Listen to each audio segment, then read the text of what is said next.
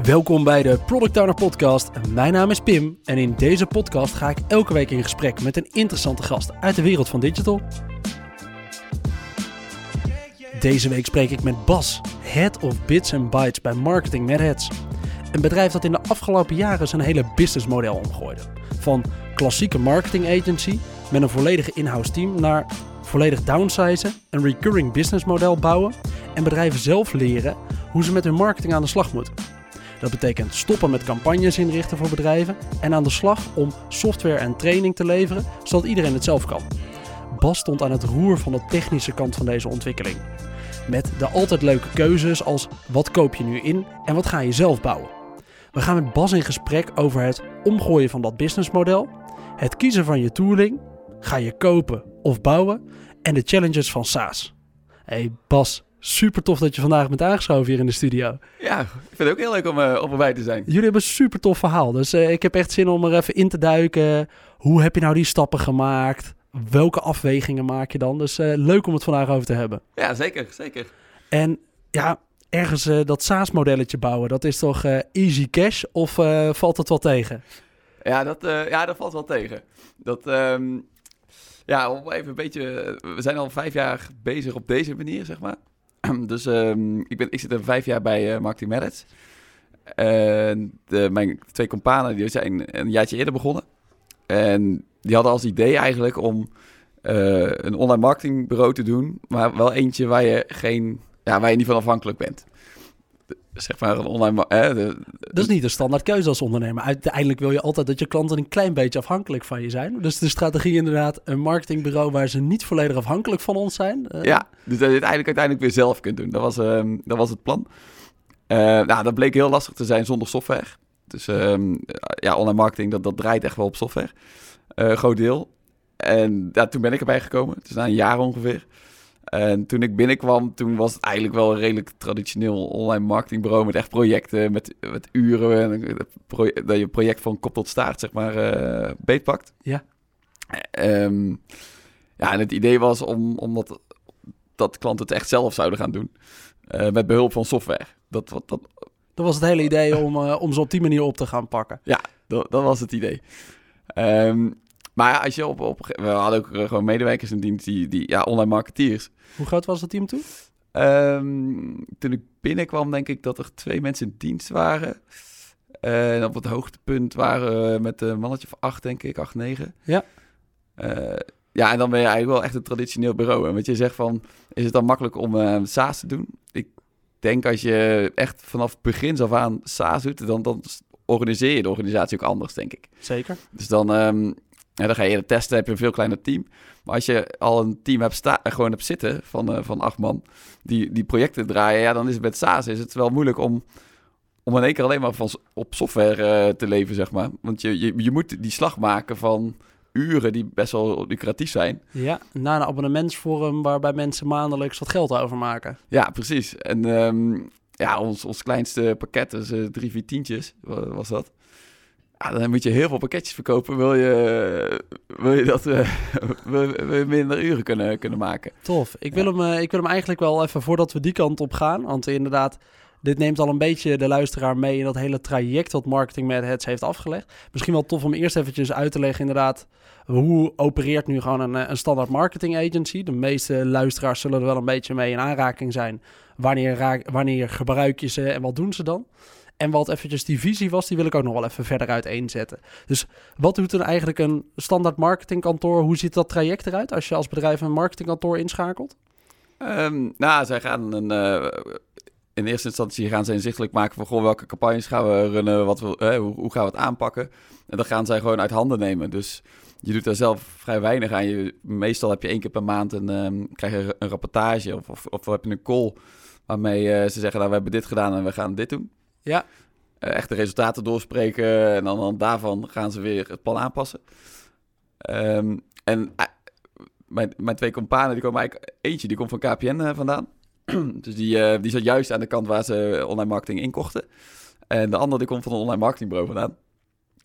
Dus die, uh, ja, die wist precies hoe het spel gespeeld werd aan die kant. Die kende van beide kanten het spelletje van, uh, van marketingkantoren, ja? Ja, en uh, ja, die jongen van KPN die zei, ja, zegt hij, weet je wat vervelend is? Dan het is best wel prijzig om een online marketingbureau in te en dan, dan zijn ze weg. Uh, ja, je, je bouwt in je team eigenlijk helemaal niks op van kennis om het, om het stukje mee, te, mee te pakken. En die jongen van Wouter, van, die bij een online marketingbureau had gezeten, die zei ja, dat klopt. Want wij willen eigenlijk het liefst zo lang mogelijk die klant behouden. Ja, dat is ook heel logisch. En ik moet zeggen, toen wij, toen wij zelf in die rol zaten, ja, ik, dan zag ik het ook gebeuren. Want je hebt mensen zitten en die...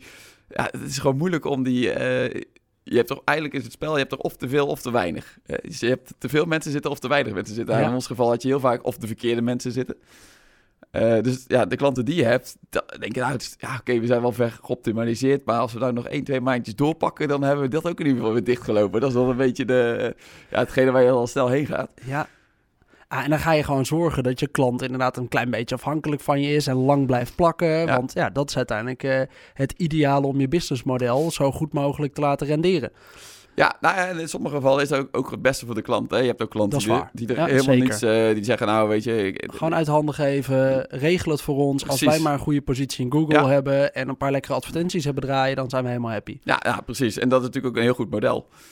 Um, Alleen ja, wij hadden als visie dat we dat... En wij richten ons dan ook wel meer op het, um, op het MKB of het kleine MKB. Uh, dat mensen het ook zelf zouden moeten kunnen. En online marketing, het is vaak ook niet dat het meteen resultaat oplevert. Zeker het gebied van SEO. Uh, ja, SEO zie je eigenlijk pas na een week of vier tot zes zie je de eerste resultaten. En uh, eigenlijk duurt het nog langer voordat je de echt volledige waarde uithaalt natuurlijk. Ja, en het is ook gewoon best wel intensief om te doen. En terwijl als je toch al teksten voor je website schrijft en je, en je maakt productpagina's, ja, dan is het ook gewoon fijn om een beetje de basis te kennen. Ja, ja. Ah, snap ik goed. Ja. ja. Dus ergens kwam toen de, die visie van, daar gaan we het mensen misschien wel zelf leren. Ja, ja, nou zo zijn ze ook echt wel gestart hoor. Dus um, ze zijn gestart met, met het unieke van nou, we gaan het mensen zelf leren en uh, we zijn je online marketing coach. Dat was ook destijds echt de, de baseline ook van, uh, van het bedrijf. Um, alleen waar ze al best wel snel achter kwamen was dat, dat ze gewoon een gebrek aan tooling hadden. Dus waren een gemiddeld marketingbureau, ja, die hebben best wel veel tools om, eh, om bijvoorbeeld te bepalen van hoe hoog sta je in Google, uh, hoe, hoe, presteert je website. Ja, dat, dat hebben kleine partijen vaak, vaak niet. Plus als je die allemaal los moet inkopen, ja, ze zijn allemaal zo een paar tientjes. zijn dure abonnementjes vaak, dat klopt. Ja, ja die zijn echt wel, wel prijzig. dus zeker voor een, een startende webshop, ja, die, die gaat dat niet doen. En dan kom je toch heel snel weer op het uh, van, oh, we, we, maken wel een rapportje, we draaien wel even voor je uit. En dan ben je eigenlijk zo weer vertrokken. ben je weer terug bij je af, weer een klassieke marketing agency. Ja, ja, ja. Oh, lachen. Hey, wanneer kwam er voor jullie ergens, uh, want ja, ergens, dus we begonnen met dat idee. Vervolgens werd het toch eigenlijk, ja, het is de meest renderende business om toch wat mensen aan de slag te zetten. Zelf die rapporten te gaan maken, zelf bedrijven op gang te helpen, gewoon uren te schrijven. Wanneer was het moment van de omslag dat je toch, uh, toch terug bent gegaan naar de kern en weer het product bent gaan opbouwen wat marketing met het nu is? Um, nou, dat was eigenlijk wel gedurende de. Hè, we, we, zagen het zelf ook wel hoor. Alleen achteraf natuurlijk is de fout denk ik geweest dat we iedereen hebben laten zitten. Dus wij zijn wel steeds hebben we stappen gemaakt. We hebben al online cursusjes gedaan en, en alles ingericht dat mensen het meer zelf konden doen. Uh, dus we hebben allemaal tussentijds stapjes gemaakt. Maar ik denk de grootste omslag bij ons is geweest met, uh, toen corona kwam.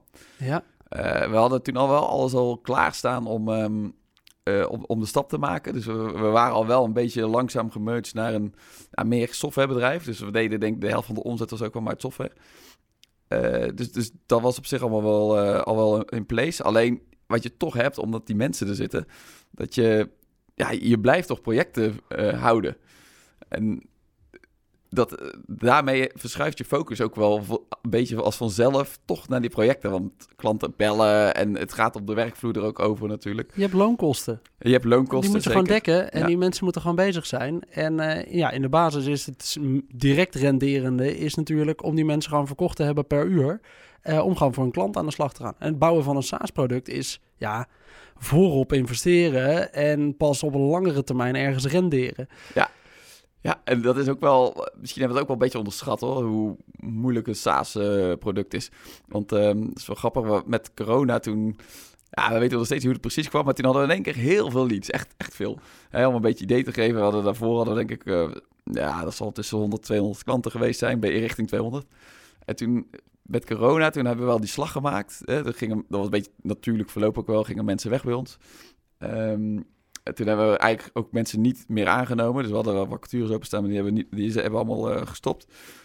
Eh, en to- toen kwamen we een beetje op zo'n punt dat we eigenlijk... Ja, we waren al met ZZP'ers gaan werken. Dat hadden we toen ook al wel eh, in place. Ehm, maar toen, toen is het moment gekomen dat we ook echt... ehm, Echt Ja. een stap wilden maken. ja, en toen liep het ook in één keer binnen. Dus toen deden we gewoon 80 nieuwe klanten per maand. Dus, Ja. Dus, en dat was... Nou, ik denk dat ik wel kan beantwoorden waardoor dat kwam. Eh, begin corona, ik weet het nog wel heel goed. Ieder bedrijf wat de jaren daarvoor had gezegd... ja, online is niet helemaal ons kanaal.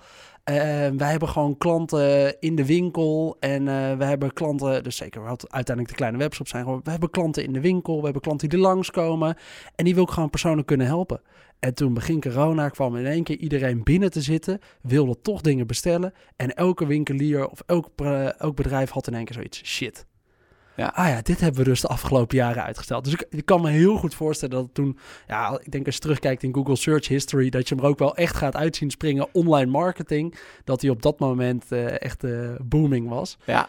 Nou ja, en ook eh, veel coaches en fotografen die waarschijnlijk voorheen op netwerkevents elkaar Juist, ontmoeten. Ja. Die, die hadden het ook allemaal. Dus, maar goed, dat was ook meteen weer een, een leermomentje voor ons. Uh, we, konden dat helemaal niet aan, 80 nieuwe, klanten in de maand. Dus uh, we konden ze geen contact met ze opnemen. Uh, toch bleek ook wel, als je dat soort volumes had, dat, dat voor veel mensen die geen contact met ons hadden, dat de tool ingewikkeld was. Um, dus ja, dat was eigenlijk net voor de zomer vorig jaar. En toen hebben we dat allemaal nog een beetje fijn getuned. Ja, en toen kregen we die volumes eigenlijk niet meer erin. dus toen, uh, want, ja, we hadden zoveel volumes. met eigenlijk hoe dat bij ons werkt, is dat je, we, we hebben een, via Facebook doen we een campagne, veel. Dat is eigenlijk ons grootste leadkanaal. En dan gaan ze een tiendaagse challenge in. Dus dan gaan ze tien dagen een eigen SEO doen. En een groot deel van die, van die mensen, die, die gaat dan ja, met, ons, met ons platform verder. Uh, maar waar we toen hadden we kleine, ja, echt maanden erin met 800, uh, 800 mensen erin. In die challenge, die, ja. die challenge meededen, ja. Dus ja, dan wilden we daarna, dan hadden we alles goed staan. Want we, we hebben toen een beetje op halve kracht hebben we, alle, uh, hebben we de zomer doorgewerkt. En toen hebben we, dachten we, nou, nou gaan we er weer voor. En toen kregen we die getallen niet meer. oh. Ja. ja. En toen, wat, uh, ja. Ja, dat was wel voor ons ook een moment. We hadden, we hadden wel twee dingen gezien. Ook al die grote getallen, dat is, dat, ja, dat vergt echt wel net een, een andere mindset, zeg maar. Ja. Het is echt wel moeilijk om een, um, een product wat toch wel gegroeid is door één op één contact. Uh, hè, dus wij kenden onze klanten ook wel, hadden ze in ieder geval allemaal een keer gesproken. Ja, en op dat moment gaan ze eigenlijk heel anoniem door jouw tool heen. Ja. ja het, dan heb je nog wel net even een... Uh, ja, dan, dan moet de interface en de, de klantenservice... die moet allemaal nog net even iets scherper. Uh, dan zit er ook minder forgiveness, zeg maar, in bij de klant. Zeker, je hebt gewoon ja. wat minder goodwill. Um, dus ja, nee, dat was, dat was wel even een leermomentje. Maar toen, um, ja... Toen dachten we, wat gaan we nu doen? En we hebben al heel vaak op het punt gestaan. Want we hebben in die tijd, dachten we, nou, we wilden toch meer richting software. We bleven... Dus toen dachten we, het is echt tijd voor een coach. Dat dachten we. Ja? Ja, ja we hebben zelf, zelf een coach genomen. Uh, het is wel een mooi moment van uh, besef. Ik vind het ook tof dat je het hier vertelt in de, in de podcast uh, trouwens, Bas. Weet je wel, de meeste mensen... Of ja, ik heb zelf ook de neiging om hier alleen maar de vette verhalen te vertellen. Maar het is af en toe ook wel cool om eerlijk te zijn. Ja, eigenlijk zaten we toen best wel even klem. Want ja, welke kant ga je dan op? En dan zelf beseffen, ja, ik denk dat we een coach nodig hebben. is ook wel een mooi... Hoe kies je dan een coach? Wat, wat doe je dan? Wat is je volgende stap? Ja, nou, we hebben het geluk gehad dat we een jaar of twee daarvoor zijn we toegetreden tot een uh, Google-programma. Dus um, wij, wij deden natuurlijk heel, we hadden heel veel MKB'ers die uh, klant waren bij ons. En Google die, uh, ja, die, die, die had eigenlijk moeite om die ads te verkopen. Juist. Of gewoon om, om, om, om een ads te laten gebruiken. ads te krijgen. Ja. ja. Dat was eigenlijk het, hun uitdaging en ook dat ze geholpen werden. Dus niet dat ze het alleen gingen gebruiken, maar dat ze ook gewoon kwalitatief goed die, die advertenties konden beheren. Ja. Uh, nou, daar had ik ook al een, die had daar destijds een programma voor. Een, uh, een tech-programma, Google Tech. En dan moest je, ja, je moest je, je, ja, dat is een beetje technisch, maar je moest die API van Google, die moest je goed benutten, zeg maar. Dus je moest via je eigen tool, moest je het makkelijker maken om te adverteren. En je moest daar ook die kwaliteit wel boren.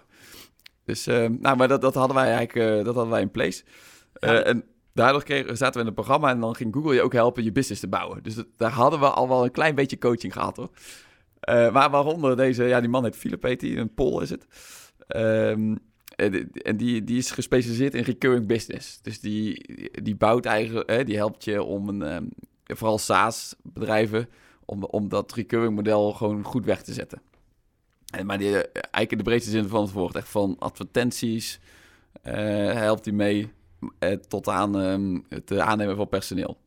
En dan denk ik, ja, ja. kan dat allemaal in één man? Ja, ik zou er ook af en toe nog van te kijken. Maar ja, die man die heeft echt al heel veel, heel veel bedrijven van binnen gezien. Die, heeft alleen voor Google zei die, iets van 200 bedrijven eh, geholpen. Vet. Dus, eh, en ook echt wel wat grotere bedrijven. Dus die heeft al veel, veel SaaS-bedrijven zo eh, in het zadel geholpen. Eh, dus wij dachten, nou, als we iemand moeten hebben, dan, moet, dan is, het, is het hem. Maar we waren Moet Philippe we terughalen. moeten Philip terughalen, ja. Maar ja, Google vond hem destijds al best wel prijzig. Dus toen dachten we, oeh, als, als Google er wel prijs voor, waren wij een beetje bang van, misschien is die heel duur. Eh, maar dat viel uiteindelijk wel mee, want ook daar eh, was ik, eh, ja, dat hele Google-programma was er niet meer. Dus we, we hebben uiteindelijk hebben we, zijn we met Philip en zee gegaan. Ja, en dat was, dat was wel fijn, want ehm, eh, dan zie je Je ook... hebt Philip naar Nederland gehaald uiteindelijk. Nee, nee, dat was via, gewoon via het Of internet. online, Ja, ja, ja. online. Ja, dus we hadden een best wel intensief programma. Ik denk een maandje of drie. Dat we dan twee keer per week eh, kregen we opdrachten van Philip. Ja, Ja, vet. dus eh, op maandagochtend eh, kregen we, bespraken we wat er allemaal was gebeurd. En ehm, gingen, we, gingen we nieuwe testjes uitzetten. En dan op donderdag of vrijdag, dan evalueerden we dat. En dan aan het weekend konden we er een beetje over nadenken. En maandag hadden we de volgende erin. Dus het was een vrij, vrij intensief. Ja. Ja, maar het was wel een leuke tijd hoor. Dat wel- geloof ik, ja. ja. Wat waren de eerste tips van Philip? Wat, eh, wat pikt hij er gelijk uit? Ja, allereerst waar Philip mee, mee kwam. We hebben die, die funnel waar ik het over had. Hè, dat Ja. we, dus eigenlijk is het zo, eh, vooral via Facebook komen dan mensen die, in die funnel. Die gaan meedoen aan zo'n challenge. En bij ons was die in het begin was die gratis. Ah, het eerste wat Philip zei, het maakt niet uit, we moeten er gewoon geld voor vragen. Gewoon dag één. Ja. Ja, dus die, ehm, waar die eerst gratis was, als je toen naar het tientje gegaan of 5 euro of zo. Ah, en het grappige is, ze noemen dat de, de, de dollar gap, geloof ik. Ja, een soort betaaldrempel die Ja. je over moet. Ja, dus eh, zodra ook al is maar 1 dollar, dan heb je al een heel ander type klant. En ehm, ja, Philip die zegt dan van, ehm, ja, dan, als je het gratis doet, dan krijg je allemaal mensen met eh, meer tijd dan geld. En als je er geld voor gaat vragen, dan wordt het net andersom. Juist. Ja, en dat klopt ook. Dus, Kijk, ja? ja, ja, Eerste nuttige tip, gelijk ingezet. ja, Ja? ja. En het, ook het leuke is da- daarin dat nou, we waren laag begonnen, 5 euro. Eh, en dan hebben we volgens mij iedere week hebben we verhoogd met 5 euro. Eh, en je ziet ook het, het type mens veranderen. Eh, bij ons was het, eh, ja, we zijn tot 35 gegaan, denk ik, of zo. En dan zie je, dan kom je een beetje in de, in, ja, niet in de corporate hoek, maar wel in een wat grotere bedrijvenhoek, zeg maar. Ja. Dus dan krijg je echt wel bedrijven, dan krijg je dan heb je niet meer de ondernemer zelf of de marketeer die dicht tegen die ondernemer aan zit, maar dan krijg je echt een, een, een afdeling met marketing eh mannen. Precies. Dan krijg je de junior marketeer die zelf zijn cursus moest gaan uitzoeken ergens. En die kwam dit tegen. En die heeft dit verteld tegen het bedrijf. Mag ik aan de slag hiermee? En Ja, precies. En vooral ja. dat Mark, eh, die doet misschien zelf wel uit eigen zak. Dat, dat, dat weet ik eigenlijk niet precies hoe dat eh, zit. Maar de vervolgstap, wat voor ons eigenlijk het lucratiefste natuurlijk is, Ja. die, die werd daar niet gemaakt. Dus onze sweet spot die zit eh, momenteel op 27 euro. Ja, ja. nice. Ja, gewoon testen. Ja. Dus, eh, Maar zag je echt je, je conversies omlaag gaan op een gegeven moment? Of was het dan inderdaad dat je andere profielen binnenkreeg en dat die weer voor de vervolgstappen minder interessant waren? Ehm, nou, we kregen veel minder volume binnen. Dus dat is wel... ehm, dat is in het begin even slikken. Ja, hè, waar waar we echt gewend waren om wel... Ja, die, die challenge, dat, die eh, deden bij ons denk ik ongeveer 100 mensen per keer mee. Ja. Eh, dus dat, dat waren we gewend. Dat, en zo was de challenge ook ingericht. Eh, en ja, Philip die zei, ja, weet je wat het is? Hij zegt, je moet, die, je moet eigenlijk naar, meer naar kwaliteit. Dus minder kwantiteit, meer voor Ja. kwaliteit gaan. Cap hem eens op 30. Dat, dat hebben we ook gedaan. Meteen al toen we geld gingen vragen, gekapt op 30. Ah, ja, Eh, en daarmee kun je weer veel meer persoonlijker eh, support bieden. precies. Dus Bied je tenminste wat aandacht aan die mensen. Blijven ze misschien daardoor weer Ja, langer. Ja, we hebben ook precies hetzelfde principe aangehouden als Philip doet. Eh, ook iedere keer zo'n call erin. ja. Ja, het werkt echt goed. Dus die vervolgratio, ja, die, die, die is omhoog gegaan. Die is eh, nou veel hoger. Ja. Sterker nog, ik denk dat die, ik weet nu even niet moment, maar eh, die is zeker, eh, ik denk, voor drie of viervoudigd ten opzichte van toen die gratis was. Ja. tof test, ja? Ja. Volgende, waar ging je, welke kant ging je daar nou op? Wat zei Philip? Wat, waar moest je heen met je business? Ja, dat, dat, dat, het nog wel eventjes. Maar ook heel snel kwam Philip er wel achter. Hij zei, ja, je, hè, dan heb je een beetje twee opties. Of ga je echt volume doen. Want je, je moet, ja, hè, natuurlijk moet de schoolsteen roken. En je moet echt wel volume hebben om, ja, om, gewoon een beetje omzet te maken. Omdat het, zijn natuurlijk abonnementjes van een paar tientjes. Ehm, maar een belangrijker nog, kwa- kwamen we vrij snel achter. En we hebben eigenlijk altijd wel gezien, alleen nooit echt opgemerkt. Dus, daarna dat we er iets mee konden. ehm, dat klanten meer begeleiding wilden hebben. Dus we- die challenge vonden ze heel fijn. Daar hadden wij heel veel begeleiding in. Werden ze klant, ja, dan hadden we eigenlijk nog maar twee smaakjes. Dan hadden we het smaakje, eh, je gaat onze tool gebruiken en je doet het zelf met wel cursussen die in het platform zitten. Maar die moet je wel zelf openklikken en doorheen. En hè, je moet jezelf gem- motiveren om dat te doen. Ja. Dan, dan gaat bij heel veel mensen gaat het goed. Maar ook wel bij een groep die denkt... eh, Dan wordt het een beetje een sportschoolabonnement, zeggen we wel eens van de grap. Van, nou, eh, het, het, eh, ik heb een abonnement, maar ik doe er niet zoveel mee. Ja. Eh, dus, dus ja, die, die hoeken, eh, die, die, die smaak had je. En we hadden dan toch ook nog wel een soort uitbesteed traject. Maar dan zat hij bij ZZP'ers. Juist. Dus je kocht je, en dan had, wij deden geen traject meer, maar je kon wel blokjes kopen. Dus een blokje zoek wat onderzoek, een blokje a- optimaliseer mijn advertenties. Ehm, dus, dus ja, dat was de andere smaak. Maar die zei, ja, je mist één, er zit er eentje tussenin en die ontbreekt. En dat is eigenlijk een soort klasje. Een, klasje Oh, met, ja?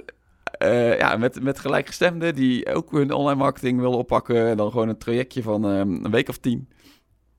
En eh, nou, we waren in het begin waren we misschien wel een beetje sceptisch. Maar ja, als Philip het zegt, dan, eh, dan, Ga je het maar doen. dan gaan we het doen. Dus we hebben dat eh, gedaan. Ja, en dat was bizar eigenlijk. Want we hebben de... Ja, Nu is dat de populairste keuze of zo. nou, nee, het is niet de populairste keuze. Maar, want je moet ook zi- zien, die zijn, die zijn vrij prijzig hoor, die klasjes. Dus die, ehm, eh, ja, dat, dat neem je niet zo snel als, als gewoon meteen, zeg maar. Dat is, maar eh, de eerste, het eerste klasje had geloof ik binnen een week vol. Dus dat was echt wel, echt wel behoefte aan binnen onze huidige klanten. Wij hadden gewoon ergens in een nieuwsbrief onderin hadden wij eh, een beetje als van, hè, kijken of er iets van Draxje op zit. Ja, ik geloof dat het eh, één, iets meer dan een week was dat die vol zat. Ja, ja wij wisten ook niet wat er gebeurde. Ja. die man die heeft gewoon honderden bedrijven van binnen gezien. En die houdt overal een beetje de, de sweet spots en de, de cherries uit, eruit. Ja. En die geeft hier gewoon als tips. Ja, mooi. Ja, en zijn volgende stap is dan ehm, eigenlijk... Hij zegt, nou, dan leer je die, die, die, die groep klanten van... ehm, hè, dat je een keer zeven man meeneemt. Ja, die leer je zo goed kennen. Je leert zo goed hun pijn eh, zitten. Eh, daar, daar kun je weer op gaan automatiseren. Dus omdat je zo dicht op die klant zit, zit ga je patronen herkennen... en dan ga- kun je weer software eromheen gaan bouwen. Om je tool te, te verbeteren. Ja, dus dat, eh, dat is de volgende stap, denk ik. Ja. Vol. Dat is de stap waar je nu mee bezig bent, denk ik veel. Of eh, die Ja. aan zit te komen. Nou, we moeten nog wel eerst een beetje meer opschalen in de, aan de voorkant. Ja. Dus dat we... eh, we willen wel iets meer klasjes in de, in de maand gaan doen en ook eh, di- diversificeren. Dus nu doen we alleen eh organische organisch marketing, zeg maar. Dus dan gaan we ook naar advertenties toe. Ah, dat, dat zijn wel trajecten die wat langer duren om, om op te bouwen, omdat er heel veel kennis bij zit. En het is bij ieder bedrijf, je moet het toch in een soort standaard proces schieten. Want ja, dat, hè, je moet dat zo zien, dat er vijf, zes mensen zitten er in, die, in zo'n klasje. Ja, die moeten wel allemaal hetzelfde patroon volgen. Ja. Dus je moet ook een heel goed patroon hebben wat, eh, ja, wat werkt Ja, voor iedereen Oké, ja, precies. Als je, dat, als je die klasse ook standaard wil automatiseren en daar constant content op wil leveren, wat Ja. precies op het juiste moment komt, dat is nog wel even inderdaad. Dan moet je wel een paar honderd man erin hebben gehad voordat je ook maar kan zeggen, oh in het begin moeten we dan hiermee starten en dan zou iedereen een beetje het gelijke tempo aan moeten houden en een week vier dit nodig hebben. Maar dat kan ik me wel voorstellen dat dat nog even ingewikkeld is. Kun je me even een beeld geven? Wat voor tools bied je dat soort eh, mensen? Eh, op dit moment zit er... ehm, ja, we hebben eigenlijk een online eh, platform voor eh, je online marketing. En dat, het belangrijkste daarin is een eh ranktrekker. Dus dat is een eh, tooltje. Daar zet je zoekwoorden in. En dan kijken we iedere dag, kijken we in Google op welke positie je staat. Dus ja, dat is eigenlijk je belangrijkste instrument om sturing te geven aan je SEO. Dus ehm, als je pagina gaat schrijven over, over een bepaald Podcast? over een podcast maken.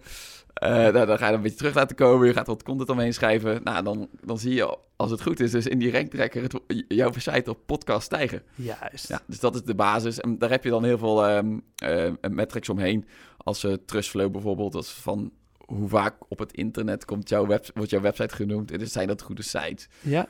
Uh, maar ook uh, waar, op wat voor zoekwoorden zetten mijn concurrenten in bijvoorbeeld. Dat zijn, ehm, nou, allemaal dat soort tools zitten erin. Ja, cool. Of ehm toeltje wat jouw eh, website crawlt en kijkt van... goh, dit moet je verbeteren om hoger te komen. Dit doet jouw concurrenten. Dus dat, dat, dat soort tools zitten erin, ja. Ja, en daarnaast, dat is echt de tooling om je, om je SEO te doen. Maar dat, dat, eigenlijk het hele bedrijfsproces van ons, dat, dat zit er ook in. Dus die klasjes waar ik het over had, die zitten erin. Eh, ondersteuning voor die challenges zit erin. Betalingen zitten erin. Ja, eigenlijk alles wat, wat, wat een echte SaaS-tool heeft, dat zit er wel in. Ja. Tof. Hey, waar, eh, waar heb je het meest van geleerd in die, eh, in die periode van dit opbouwen als het gaat om, eh, om die softwarekant? Wat zijn echt mooie learnings daaruit? ja, ik denk het belangrijkste is testen. Dat is toch, ja, dat, dat hoor je altijd, maar ik spreek uit ervaring, dat is het ook. Ja, nou ja, dat- dat- we weten allemaal dat ja, je wil altijd testen. En ja, sommige mensen die drukken dat toch elke keer weer vooruit. Nee, we weten echt wel wat de klant wil. Dat, Ja. dat bedoel je? Ja, ja, dat bedoel ik. Ja, Ja, dus ehm, nou, zeker als je ook een, een tool maakt die, die nog niet bewe of bewezen is. Je, er is ook niet echt een concurrent die je kunt nadoen. Hè? Want dat heb je ook wel vaak van, goh, ah, je weet ongeveer welke features je nodig hebt. Maar omdat het zo nieuw is en je bent echt een beetje aan het pionieren op het gebied van... Ja, hoe, hoe werkt eh, bijvoorbeeld klasjes, werkt dat? Willen mensen in een klasje zitten? Gaan ze, is er interactie? Eh, ja, dat soort dingen die wil je eerst toch wel een beetje laagdrempelig testen voordat je het helemaal gaat bouwen. Dus, dus ja, daar hebben we wel verschillende methoden in, eh, in bedacht. Van het, ehm bijvoorbeeld van die klasjes, die was wel leuk. Zo'n klasje maken, dat is echt wel veel werk als je dat moet, zelf moet, moet bouwen. Eh, dus die hebben we dan in, eh, ingekocht, een jaar lang. En dan gekeken welke features worden er veel gebruikt. Dus die, ja, die hebben we ingekocht. Een LMS heet dat, een Learning Management Systeem. ja. Dat hebben we dan wel geïntegreerd in ons platform. Dat mensen wel een beetje de look en feel hadden eh, ervan. En, en ze hoefden geen apart account of zo aan te maken. Nee, dus het was precies. vrij frictieloos om het te gebruiken. Maar daar zagen we heel goed wat wel en niet werd gebruikt. Dus zo'n community, die werd echt goed gebruikt. En eh, mensen gaan echt die lessen en stappen volgen en zo. Nou, dat, en dat hebben we later allemaal wel omgebouwd. Daarom inge- ben je dat zelf gaan bouwen? ja, of? hebben we later eh, ingebouwd. Ja. Ah, dat is een mooie manier om, om het inderdaad te testen. Ja, koop gewoon maar eens in. Kijk eens even wat nou de populaire functies zijn. Ja. En ga vanuit daaruit bepalen wat je zelf wil bouwen. Ah, maak je wel een veel betere scheiding tussen wat wel en niet nodig is... dan er maar van uitgaan of het misschien doen op basis van een paar interviews. Ja, leuk. Ja, en zo hebben we, ja, wat hebben we nog meer in die, in, die... Ja, wat we ook wel doen is ehm, testen in eh, groepjes. Dus dat we functies kunnen vrijgeven voor bepaalde groepen. Dus we hebben, ja, alpha en beta groepen hebben we dan. Eh, waar mensen waar we veel contact mee hebben en die een bepaalde functie willen hebben, die... ehm, en we denken, oh, daar is misschien wel iets. Dan kunnen we die functie ja, een beetje grof bouwen, zeg maar. Eh, en die zetten we dan open in de alpha of in de beta groep. En dan kunnen we, kunnen we daar een beetje de ervaringen uit, eh, uit opdoen. Dat zijn mensen die gewoon zelf hebben aangegeven... oh, ik wil wel eigenlijk eh, gewoon beta-functies eh, vast open krijgen. Ja, of dat we mensen weten van, ah, die spreken we de komende tijd, spreken we die. Ja, Eh, want daar zitten ook wel vaak echt nou, foutjes. Ja, het punt is, net als websites, er zitten zoveel verschillen. Je hebt heel veel soorten uitzonderingen. tuurlijk. Dus je, hebt echt, je moet het echt wel even in het openbaar testen voor eh, in de open wereld. eh, om, om te kijken of het allemaal een beetje werkt. Dus nee, dat, dat doen we ook. Eh, en wat we ook wel veel doen, is ehm, een functie dan maken voor de, een beetje voor de happy flow. En dan voor de rest gebruiken we een beetje de conciërge methode. Ik weet niet of je daar bekend mee bent. Nee, vertel, hè? Ja, ehm, bijvoorbeeld eh, als je een eh urenabonnement... We hebben urenabonnementen ook nog. Dat, dat is een hele kleine groep bij ons. Dat, dat is eigenlijk nog uit onze oude tijd. Dat zijn eh, mensen die, die gewoon toch graag iedere, iedere maand... een Ondersteuning willen hebben van ja, een paar uur. gewoon doorlopend vier uurtjes ondersteuning willen hebben. Eh, dus ja, dat moet wel in het systeem zitten, want we, we zijn wel over op een heel, ja, op Stripe zitten we nu qua facturering. Dat is Ja. wel een bekende, bekende naam. Ja. Ehm, dus je wil dat wel gestandardiseerd hebben, gewoon je facturering, want anders dan heb je verschillende systemen en zo. Dus we hebben een keer gezegd, nou, we gaan het allemaal standaardiseren. Maar ook die uurtjes, dat was een beetje zo moeilijke. Eh, want we hebben het eigenlijk niet echt meer, maar we hebben toch nog een oude groep. Ja, Eh, je kan ook niet zomaar nee zeggen tegen die klant. eh, nou, Oké, nou, hoe gaan we ze dan wel servicen? Ja. Dus die, ehm, ja, dat is er zo een. Die, die zie je wel in je, in, in je overzicht. Wel, Maar je kunt die niet aanpassen. Dus of je kunt hem wel aanpassen, maar dan gaat er op de achtergrond gewoon een mailtje uit. Dus je klant heeft dit aangepast. Eh, en dan moet er gewoon iemand dan matig bij ons eh actie aanpassingen, ondernemen. ja. Ja. Maar dat, dat scheelt heel veel, hè? want als je die, die happy flow, ja, dat is misschien wel, eh, ja, ik weet niet of dat die 80-20 regel opgaat, maar eh, nou ja, misschien wel, gaat hij, is er wel 90-10. Eh, gaat dat wel op, ja. Dat, eh, En die happy flow is eigenlijk het gestandardiseerde proces. Daarin heb je alle stappen zitten ook van facturatie en alles wat gewoon afgerond is en dus volledig geautomatiseerd. En met concierge bedoel je inderdaad, ah, dat zijn de paar uitzonderingen die er liggen. Die kun je beter handmatig doen dan automatiseren, omdat ze niet vaak genoeg voorkomen. ja, precies. Ja, ja dat, scheelt, dat best wel aanzienlijk in je ontwikkeltijd, eh, moet ik zeggen. Als je alle moeilijke elementjes zo eh, eh, niet gebruikt, vaak gebruikte elementen eruit haalt, dan... Ik, ja, is, ik geloof het serieus. Ik zit nu ook op een project eh, ergens, eh, of op een productontwikkeling ergens aan de slag, waar we een beetje aan het kijken zijn, wat gaan we allemaal automatiseren? Moeten die koppelingen gebouwd worden? En eh, dan hebben we ergens een, eh, een sales pipeline en laten we die klanten dan allemaal binnenkomen in dat CRM en gaan we dat automatiseren? Oh, wacht, dit zijn eigenlijk klanten die, ja, er komt er denk ik, komen er twee per maand bij, want het zijn hele grote klanten. Gaan we voor die twee klanten per maand dan een automatische koppeling bouwen? Nee, eigenlijk kunnen we dat beter handmatig laten invoeren. Hè? Want handmatig invoeren, dat kost, eh, nou laten we zeggen, 1 à 2 uurtjes per klant. Het automatiseren, ah wacht, dat kost wel eh, 30 uur in de eerste ontwikkeltijd. En dan heb je nog beheer daar achteraan. Wacht eventjes, laten we dat gewoon lekker handmatig doen. Want we gaan hier helemaal geen koppeling voor bouwen. Hè? Dat Ja. komt eigenlijk op hetzelfde neer. Ja, zeker. Een mooi principe. Ja. Eh, als je weet dat het eigenlijk niet zo heel veel tijd kost om het handmatig te doen. Ja, waarom maak je er dan niet een conciërge taak voor? Ik vind het een leuk woord ervoor. ja. Hey Bas, ik vind het super tof. Ik eh, vind het echt een leuke podcast. En eh, zo samen om het eventjes te hebben over jullie businessmodel. Hoe je nou eigenlijk de slag hebt gemaakt van ja, het idee hebben van we gaan het bedrijf zelf leren. Naar toch stiekem meer online marketingkantoor worden en je uurtjes schrijven. Naar beseffen, shit, het gaat zo eigenlijk niet. We gaan het omgooien, een goede coach zoeken, kijken hoe je een recurring business model kan bouwen. En nu gewoon maandelijkse tarieven rekenen aan je vaste klanten. En vanaf daar verder bouwen. En eh, ja, ik vind het helemaal vet. Ik zie marketing met het redelijk vaak in mijn eigen systemen voorbij komen. Eh, dus ja, ergens zit ik ook in de targeting flow. Misschien moet je mij uitzondering maken. Ik ben er iets minder mee bezig tegenwoordig met marketing. Eh, maar super tof. Ik wil nog even één vraag stellen, Bas. Eh, wat is de grootste les die je 18-jarige Bas zou meegeven... na wat je de afgelopen jaren hebt gezien? Ehm, ja, dat is denk ik toch wel het, het misschien minder eigenwijs zijn. Dus dat je... Oh, ik denk shit. dat je het Die zelf neem het allerbeste weet. Ja. Eh, en dan eerder ehm, iemand bijhalen die het al een keer heeft gezien. Dat Ja. zou ik... eh, ja, ja, Gewoon niet, niet alles googelen, maar gewoon iemand van Google erbij halen. ja, precies. Dat is de beste les. ja, nee, ja, ik geloof het wel. Ik, eh, ik kan ook wel vrij eigenwijs zijn en denken, ah nee, daar komen we zelf wel uit. Eh, maar soms moet je gewoon de eerlijke stap durven nemen en, er, eh, en Ja. ergens anders informatie van aanhalen. Nou ja, en eentje die je, je leert het, tenminste, je leert het ook op school. ehm, als je t- testjes doet, dan ben je als, ehm, als, als start-up of eh, als, als bedrijf ben je heel snel. Tenminste, wij dan eh, zijn we van, goh, ja, we gaan het werkt niet, want eh, dit en dit. Dus je trekt even je eigen conclusies. Dan ga je een nieuw testje doen, maar je, je verandert eigenlijk net iets te veel parameters. Dus die Philippos, die, die, houdt echt heel strak een Excel bij, maar ook met eh, welke parameters veranderd zijn. Ja, en dan, dan word je zo hard met de neus in de feiten gedrukt. En dan denk je, ah ja, ja. En dan zit ja, en waar komt het nou door? Is omdat je de prijs hebt aangepast? Of je propositie? Of... en dan denk je, ah ja, ja, ja, we moeten maar één parameter tegelijk aanpassen. En weet je dat het zo is. Eh, maar je moet misschien, misschien is het ook wel een les. Gewoon iets meer wat je op school leert, dat je dat ook gewoon als waar aanneemt. Dat je dat iets serieuzer moet nemen. Je, je kan je test wel eh, aanpassen, maar als je je KPI's ook aanpast, krijg je nooit een goed meetbaar resultaat. Ja. Ja. Eens. Oké, tof. Hey Bas, super tof dat je vandaag hebt, eh, bent aangeschoven hier in de studio. Ik vind het echt leuk om het hier even over te hebben gehad. Eh, als mensen nog vragen hebben naar aanleiding van de podcast, kunnen ze dan even een bericht sturen via LinkedIn? Ja hoor, zeker. Ja, Zoek hem eventjes op, eh, Bas van Steen. Dan bedank ik iedereen weer voor het luisteren vandaag. Tof dat je weer hebt geluisterd naar de Product Owner podcast.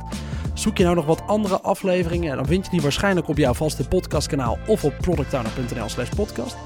Dan wil ik ook nog eventjes een bedankje uitspreken naar de Breda University voor weer het gebruik van hun Hub Studio. eh, waar we vandaag de podcast weer hebben opgenomen. Heb je vragen aan mij? Een, eh, een leuke tip voor een gast die hier zeker een keertje moet aanschuiven? Ook dan kun je mij eventjes een mailtje sturen op pim.productowner.nl. En dan hoop ik dat je de volgende keer weer luistert. Tot dan!